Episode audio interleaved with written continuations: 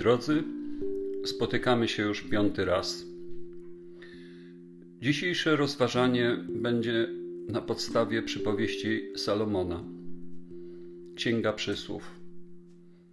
To księga Starego Testamentu, zawierająca zbiór hebrajskich sentencji, głównie praktyczno-moralnych oraz pochwały mądrości.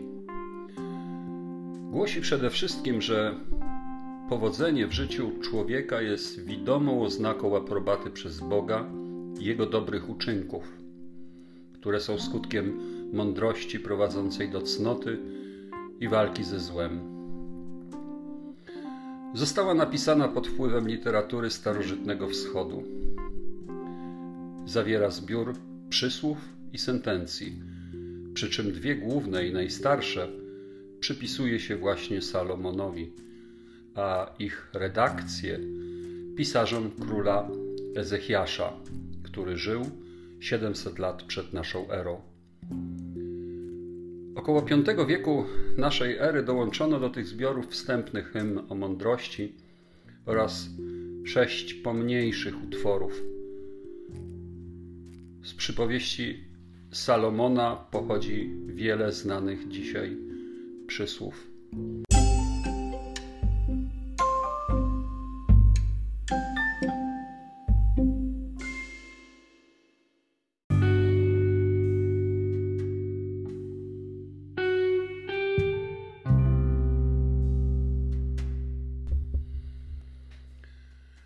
Zwróć uwagę na me słowa, mój synu. Nakłoń ucha do moich mów. Nie spuszczaj z nich swojego wzroku, szczerz ich głęboko w swoim sercu, bo są życiem dla tych, którzy je znajdują i lekarstwem dla całego ich ciała. Najczujniej ze wszystkich strzeż swojego serca bo z niego tryska źródło życia. Oddal od siebie wszelki fałsz, stroń od przewrotnych wypowiedzi. Twoje oczy niech niosą wzrok wprost. Twoje oczy niech patrzą na wprost.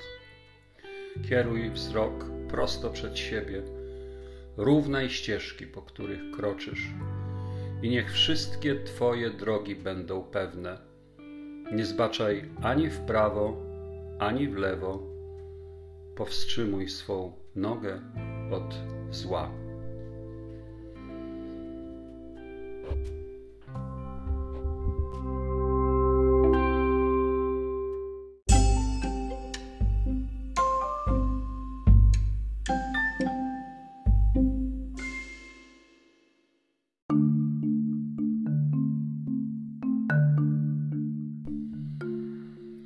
Nasze emocje.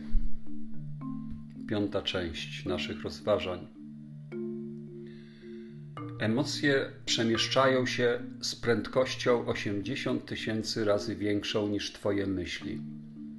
Wiedziałeś o tym? Niesamowite, prawda?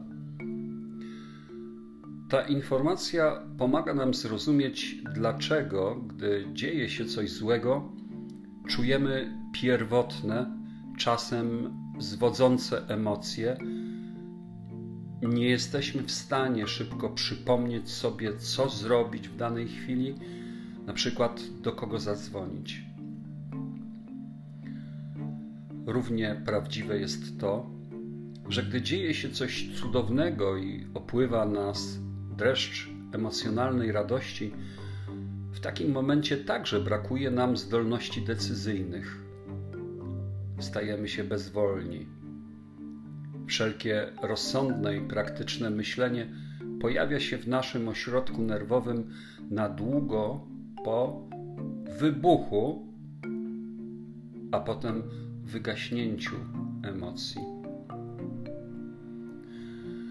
To ogromne tempo naszych emocjonalnych reakcji pomaga wyjaśnić, dlaczego nawet chrześcijanie często mają tendencję do działania pod wpływem uczuć, a nie zasad. Coś lub ktoś musi powściągnąć Twoje podróżujące z zawartą prędkością emocje i zmusić je do poddania się owocowi, który znajduje się wyłącznie w Duchu Świętym.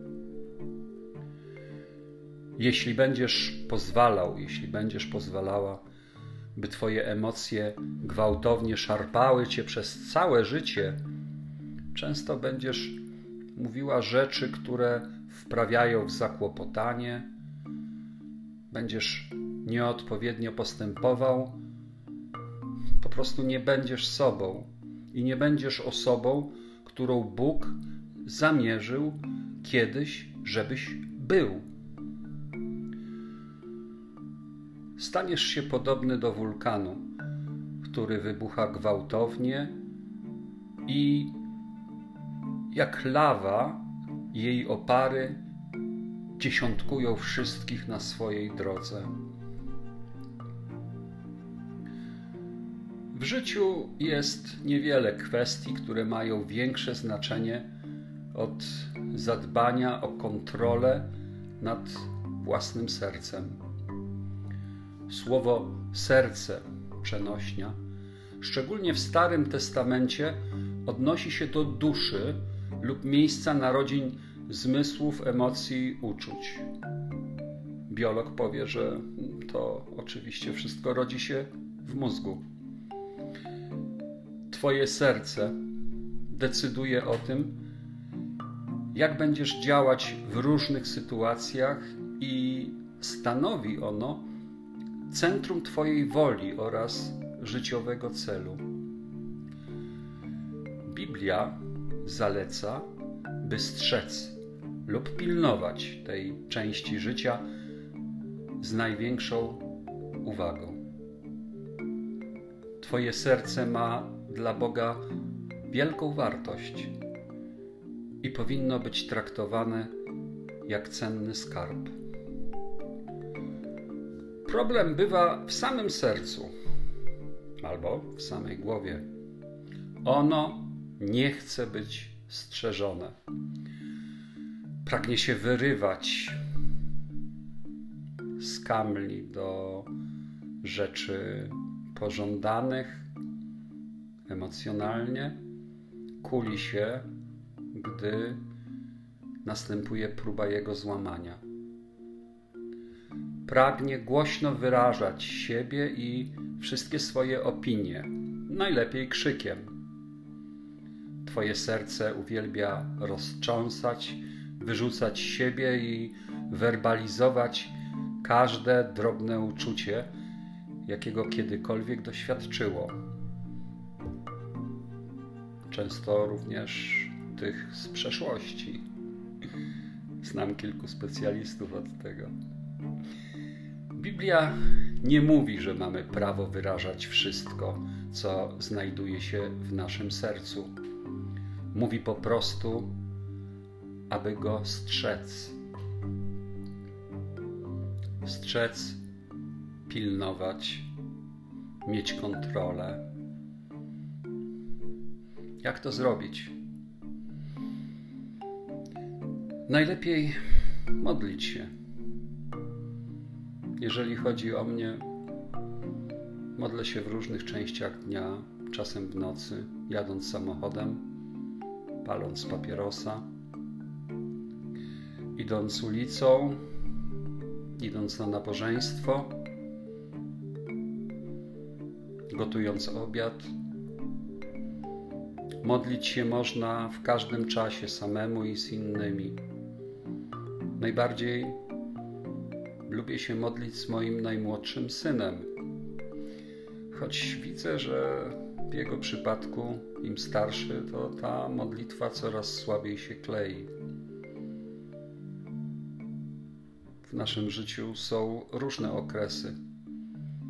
Raz jesteśmy bliżej Boga, raz dalej.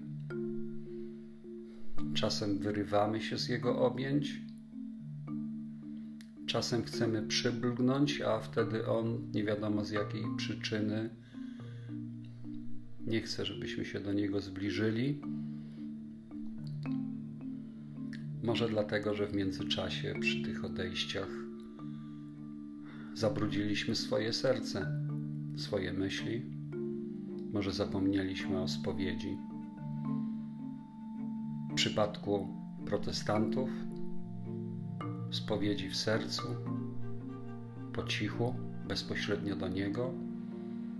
W przypadku katolików, za pośrednictwem księdza, oby trafić do dobrego. Tak. Pomódlmy się. Panie, dziś szczególnie chciałbym powierzyć Twojej opiece wszystkich ludzi zadłużonych, tych, którzy zadłużyli się mądrze, tych, którzy zadłużyli się głupio, a także tych, których może spotkać ciężka zima i będą mieli zimne domy, bo nie będą mieli czym ogrzewać. Oby to nie nastąpiło. Panie, prosimy Cię, zaopiekuj się wszystkimi nami wierzącymi, wszystkimi niewierzącymi. Ześlij swojego ducha, ześlij swoją armię aniołów, aby nas szczegli. Przepraszamy Cię za wszystkie nasze grzechy. Prosimy Cię, pobłogosław nas i tych wszystkich, których kochamy. Amen.